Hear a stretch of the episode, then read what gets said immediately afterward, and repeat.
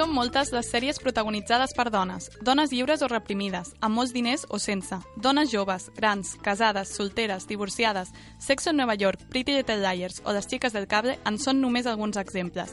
Però és real el model de dona que mostren totes aquestes sèries? Avui a Termes Enllaç parlem de la figura femenina a les sèries.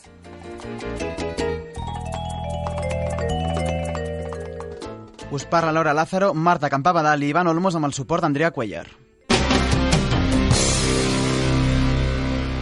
Comencem el programa repassant les últimes novetats relacionades amb les sèries. Netflix renova Les xiques del cable per una tercera temporada i anuncia data per la segona.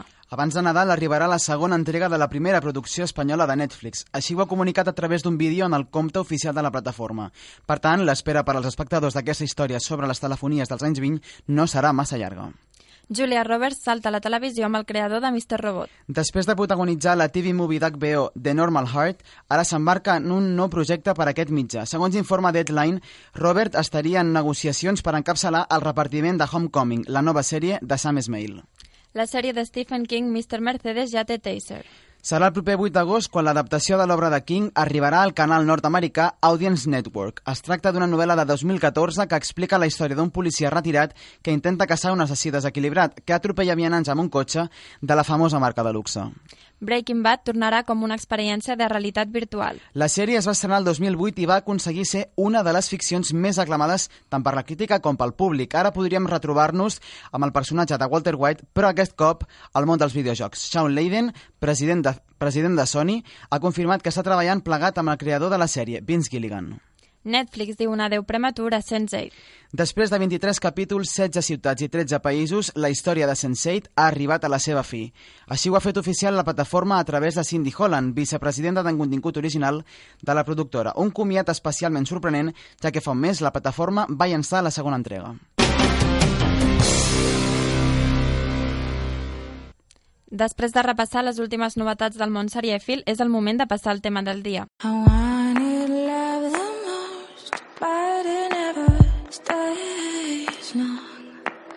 Avui parlem del model de dona que mostren les sèries. Què n'opineu vosaltres?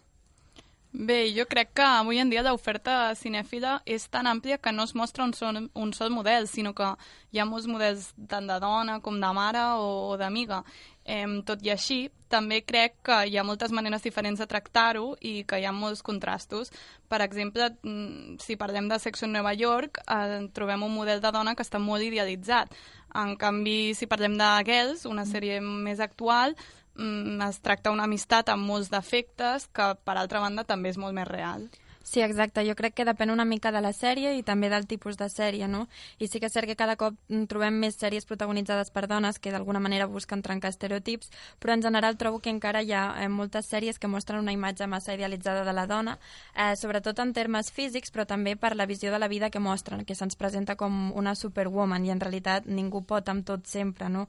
No existeix la dona perfecta, amiga perfecta i mare perfecta a la vegada.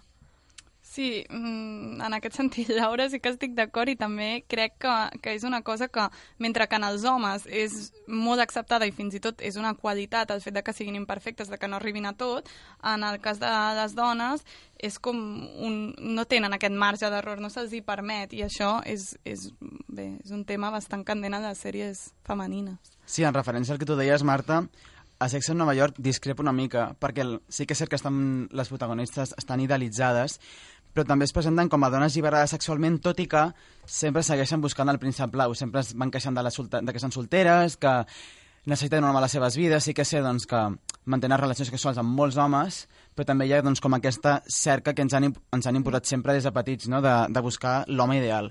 I amb respecte a Girls, tot i que és cert que també trenca amb la heteronormativitat femenina, les discussions sempre segueixen al voltant de l'home i del cos, de estic prima, no estic prima, mm, o a sexe no major, vull roba, no vull roba, vull dir que també l'imaginari que representen les dones sempre es limita potser doncs, a, tant a homes com diners o, com a, o, o a la roba. I, per exemple, doncs, en contraposició al que tu comentaves de, la, de les dones imperfectes, uh, per exemple, My Fat Diary, la protagonista és un referent de, de dona liberal perquè és una dona amb sobrepès, que fa el que li rota, parla dels homes com si fossin, no sé com dir-ho, però sobretot materialitzant-nos com moltes, moltes vegades els homes fan amb, amb les dones, sobretot en el, en el cas de les sèries.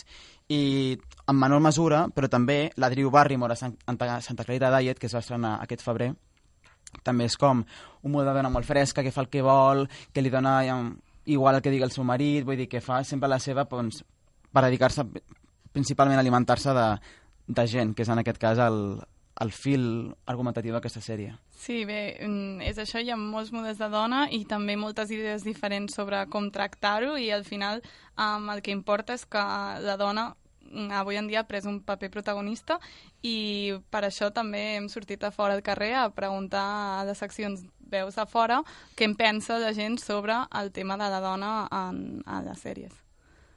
Jo crec que depèn de la sèrie, però la tendència general és que les dones es mostrin de manera molt idealitzada, sobretot estèticament, i uh, sobretot en sèries que van com més dirigides a un públic més femení.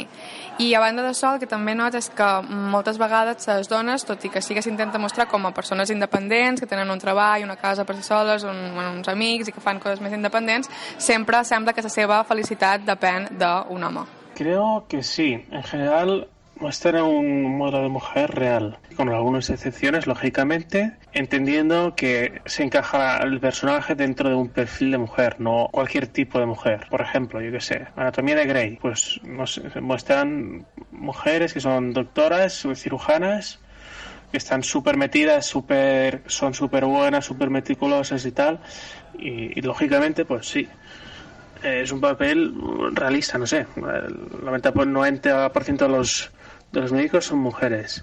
Hi ha molts models de, de dones diferents a les sèries, però, per exemple, amb, amb sèries de superherois que ara estan molt de moda, eh, s'intenta mostrar un model de dona cada vegada més forta, com amb sèries com Jessica Jones o Supergirl.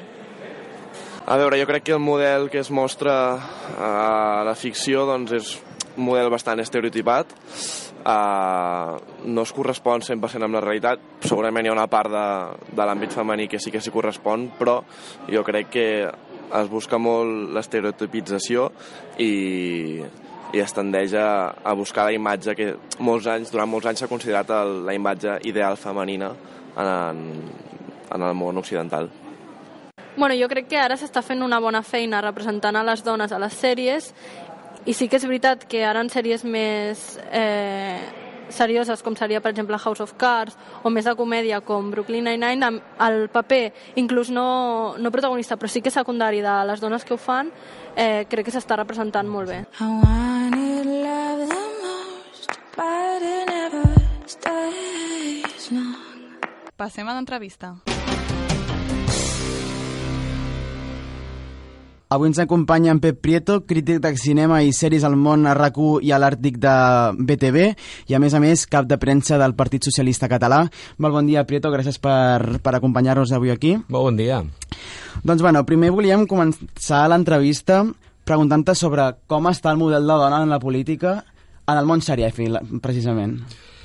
Doncs ja fa temps que el món de la sèrie s'ha avançat al cinema segurament en revolucionar una mica les seves formes com que és un art relativament nou, permet molta més experimentació, permet eh, canviar els demiurgs de les narracions i així com el cinema també s'ha produït una lenta però sòlida conversió de, de l'heroi en heroïna, eh, això passa fins i tot en grans sagues com Star Wars, per exemple, si fixeu, s'ha passat d'un model molt patriarcal de narració a un model més femení, la protagonista de l'última entrega doncs és una dona, amb uns conflictes de dona sense haver de redundar la seva feminitat, que per mi això és una de les grans novetats.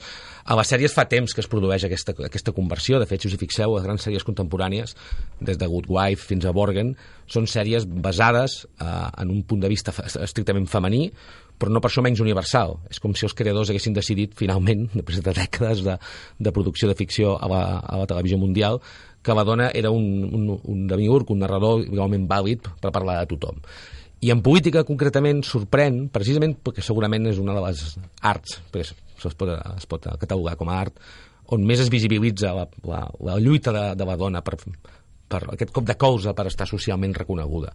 En el cas concret de Good Wife, per mostrar com una dona que ha estat sempre tota la vida a l'ombra d'un home com s'ho fa per configurar la seva identitat a la societat moderna. En el cas de Borgen, que segurament és el més famós, una dona que guanya unes, no guanya unes eleccions, però gràcies a una coalició acaba sent primera ministra, i com això desperta un recel en una societat acostumada a una jerarquia molt més masculina. Crec que vivim una era força daurada del paper de la dona a la ficció contemporània, a totes les arts, però concretament a la televisió crec que, a més a més, hi ha un, hi ha un treball de fons de, dels personatges, com que precisament és una narrativa fragmentada per, per entregues, per episodis, permet un aprofundiment, un aprofundiment únic, m'atreviria a dir, a la ficció actual. Sí, bueno, respecte a la figura femenina que comentaves, també no és una sèrie política, però és una sèrie ficcionària, com és Joc de Trons, uh -huh. la Cersei Lannister, Ves que, de fet, de tots. No, és que Joc de Trons, de fet, és una sèrie eminentment de dones. Si us hi fixeu, tots els personatges masculins pengen d'una dona. I és ella la que pren les decisions, és, és així.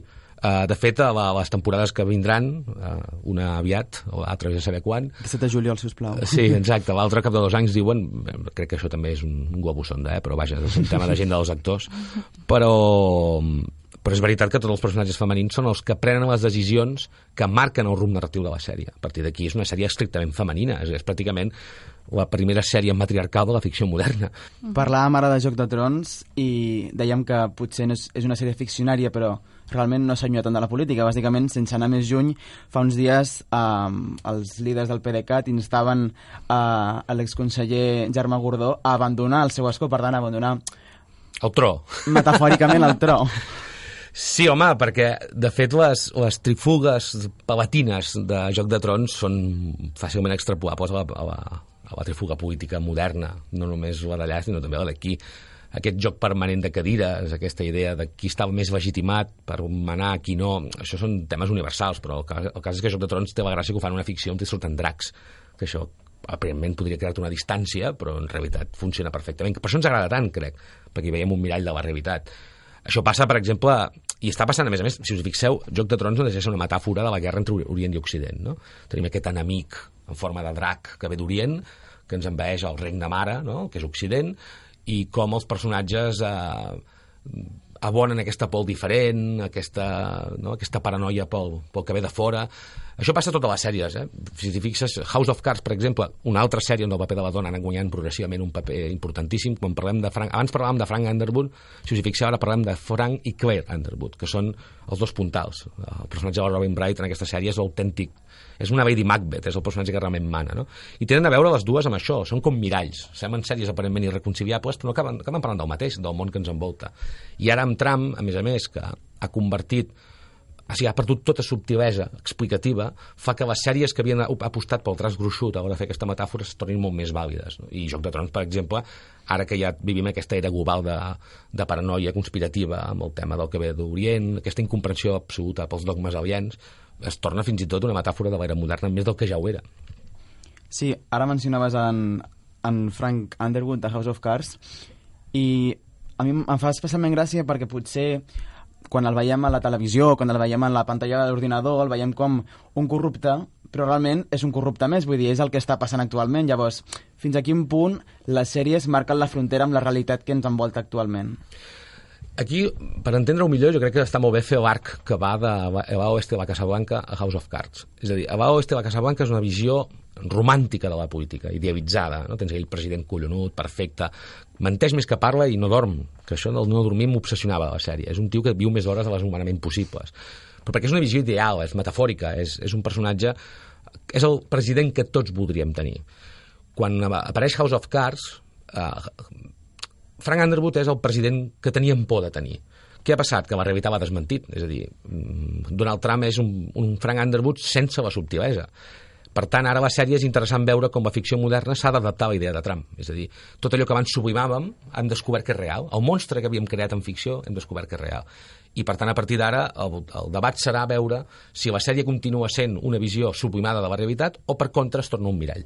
Jo ara estic mirant la cinquena temporada de House of Cards, temporada que crec que és menys interessant del que hauria de ser, però comença així, comença precisament amb Frank Underwood adoptant un paper molt més contundent i que quan l'estàs mirant potser perquè venim d'aquests mesos de tram no ens sorprèn tant ja, perquè coneixem bé el personatge, hi ha una progressió dramàtica, però també perquè la realitat s'ha entossudit a demostrar-nos que el monstre existeix.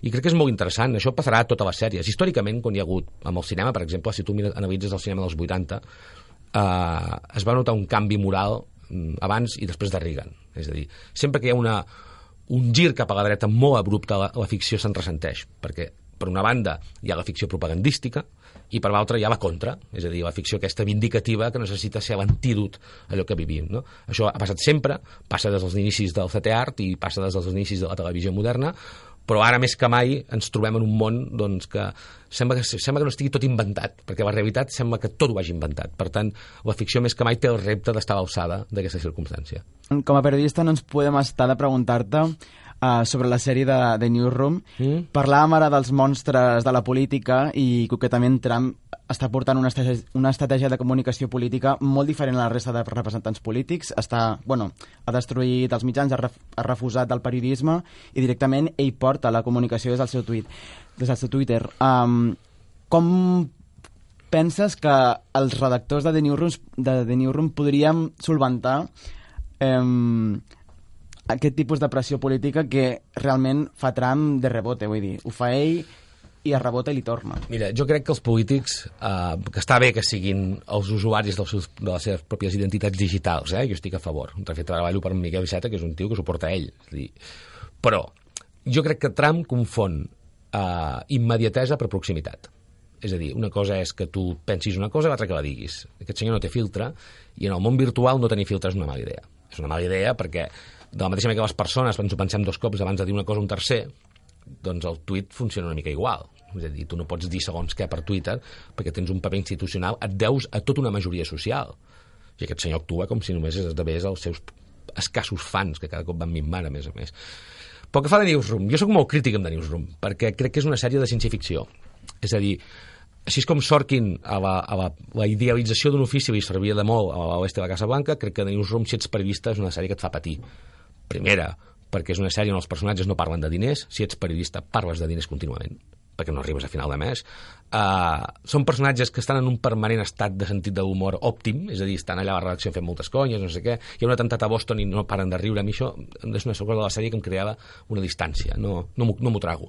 És veritat que la feina d'un dia a dia d'una redacció genera grans moments d'ironia i d'humor, però també és cert que quan estàs treballant no estàs per hòsties i perdoneu la paraula, però és que és així. És a dir, jo que he treballat en redaccions de diari, de ràdio, eh, jo mirava la sèrie i pensava, va, home, va, aquest catxondeig permanent entre jefe i treballadors.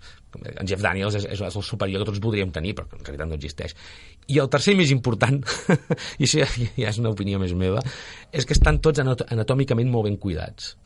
És a dir, en una redacció que, que, què fa un periodista, bàsicament, quan treballa en un diari, sobretot comarcal? Menja amagament, dorm poc... Allà estan tots estupendos i estupendes. A mi això és una cosa que em fascinava. Fins i tot els lletjos estan guapos, hosti. I, i pensava, però però aquella mena de camisa planxada permanent a mi em posava dels nervis. O sigui, es nota que el Sorkin li apassiona el periodisme, però es nota que fa molt temps que no el practica. És el que vaig pensar mirant-la. Dit això, té molt bons guions, té capítols extraordinaris, sobretot aquells que dia, fa dialoga amb la realitat, crec que està molt ben pensat, i també penso que la tercera temporada s'haurien d'haver estalviat. Bé, doncs Pep, moltíssimes gràcies per acompanyar-nos avui, ha estat molt interessant. A vosaltres. Uh, estarem pendents de, del món serièfil i a veure què ens porta i a veure cap on pot anar això de la política. Ben fet, ben Moltes fet. gràcies, bon dia. I fins aquí, a Tempes enllaç, serièfils, avui abaixem persiana, però tornarem aviat. Gràcies per escoltar-nos i gaudiu de l'estiu, perquè winter is coming.